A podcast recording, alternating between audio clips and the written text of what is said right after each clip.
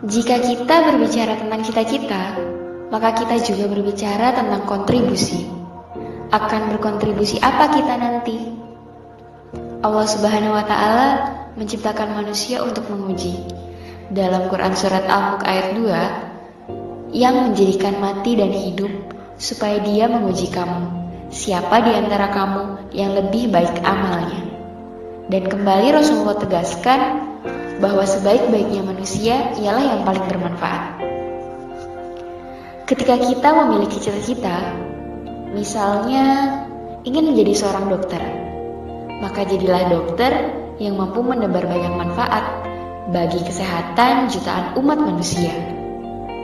Ketika kita ingin menjadi guru, maka jadilah guru yang ikhlas, menuangkan setiap ilmu-ilmunya untuk mencetak suatu peradaban. Menjadi apa pun cita-cita kita, jadilah yang paling bermanfaat. Berikan dan buktikan kontribusi yang nyata untuk negeri. Karena cita-cita bukanlah profesi untuk memperkaya diri sendiri.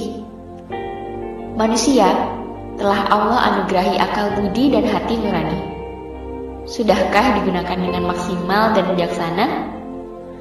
Amanah selaku khalifah yang disematkan kepada manusia oleh Allah ditujukan agar kita mampu menjadi rahmat bagi semesta alam. Bumi yang kita pijak saat ini tidak hanya dihuni oleh anak cucu Adam. Ditinggikan beberapa derajat atas asas keilmuan bukan berarti kita dapat berlaku sesuka hati. Ada alam yang harus dijaga, ada makhluk hidup lainnya yang juga harus dilindungi.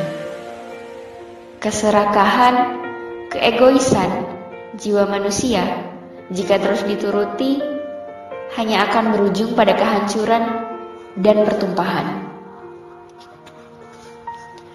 Tentu kita tidak mau bukan jika bumi ini dipenuhi oleh kehancuran. Jika bumi ini dipenuhi oleh kebatilan. Mari kita kembali kepada visi misi dan cita-cita kehidupan. Bukan hanya sekedar profesi seorang akademisi, namun adalah kemuliaan untuk menjadi yang paling berkontribusi, menciptakan keharmonisan dan bukan kerusakan. Mulai dari hal kecil, mulai dari diri sendiri, optimalisasi waktu yang Allah beri bukan ambisi jabatan yang dicari.